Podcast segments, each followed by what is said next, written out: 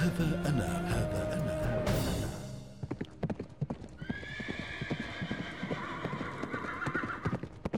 جنوب الجزيرة العربية إننا في سنة 718 للميلاد. وسط عائلة عربية أزدية يتعالى الصوت الرضيع الخليل بن أحمد بن عمرو بن تميم الفراهيدي الأزدي اليحمدي. تمر الأيام وينتقل الطفل الخليل إلى البصرة. هناك يتلقى العلم على يد علمائها كعمرو بن العلاء وعيسى بن عمرو الثقفي. يكبر الخليل وما زال ينهل من العلم جزيله. لا يختلف عليه اثنان إنه العالم الزاهد الورع. الفراهيدي درس الفلك والرياضيات والموسيقى والإيقاع هو الان يسير بسوق الصفارين وسط بغداد. وهي السوق التي يتفنن فيها النحاسون في الدق على مشغولاتهم لتطويع النحاس لصنع الفوانيس وأباريق الشاي وغيرها من الأدوات المنزلية.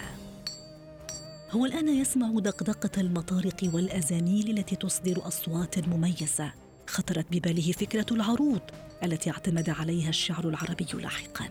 لقد رجع إلى بيته إنه يتدلى إلى البئر قبل أن يقوم بإصدار الأصوات بنغمات مختلفة. ليستطيع تحديد النغم المناسب لكل قصيدة. يواصل الفراهيدي قراءة أشعار العرب ويدرس إيقاعها. إنه يرتبها حسب أنغامها قبل أن يتمكن من ضبط أوزان خمسة عشر بحرا. إنه يؤسس لعلم العروض كله عدا بحر المتدارك الذي وضعه الأخفش الأوسط. الفراهيدي يواصل قراءته وبحوثه. لقد أصدر كتبا عديدة منها معاني الحروف وكتاب العروض وكتاب معجم العين وهو أول معجم في العربية أتمه عنه تلميذه الليث بن المظفر الكناني بعد وفاته وبطلب منه هو الآن يغير رسم الحركات في الكتابة. إنه يجعل الفتحة ألفا صغيرة مائلة فوق الحرف والكسرة ياء صغيرة تحت الحرف والضمة واوا صغيرة فوقه. إنه يؤسس للنظام الذي يتبع لاحقا في الكتابة باللغة العربية. ألا ترافقني؟ لا تسرني مرافقتك.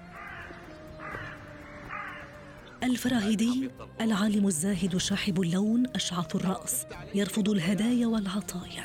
إنه يعيش في منزله الصغير بالبصرة. أحد الحكام يعرض عليه أن يتقاعد ويعلم ابنه مقابل مبلغ كبير. إذا كنت تريد الكنوز فإنك لا تجد أي شيء مساو لسلوك فاضل أجاب الفراهيدي.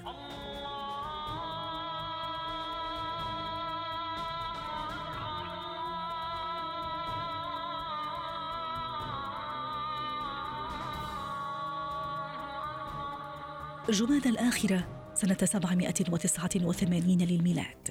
هو الآن في طريقه إلى أحد مساجد البصرة. إنه يلمح جارية تتبضع لكن البقال ظلمها وغشها. هو الآن مشتت الذهن. إنه يحاول إيجاد عملية حسابية تجنب الجارية وبقية المتسوقين الظلم والغش. فجأة يرتطم رأسه بأحد أعمدة المسجد. لقد توفي من قيل فيه من أحب أن ينظر إلى رجل خلقه من الذهب والمسك فلينظر إلى الخليل بن أحمد الفراهيدي. هذا أنا.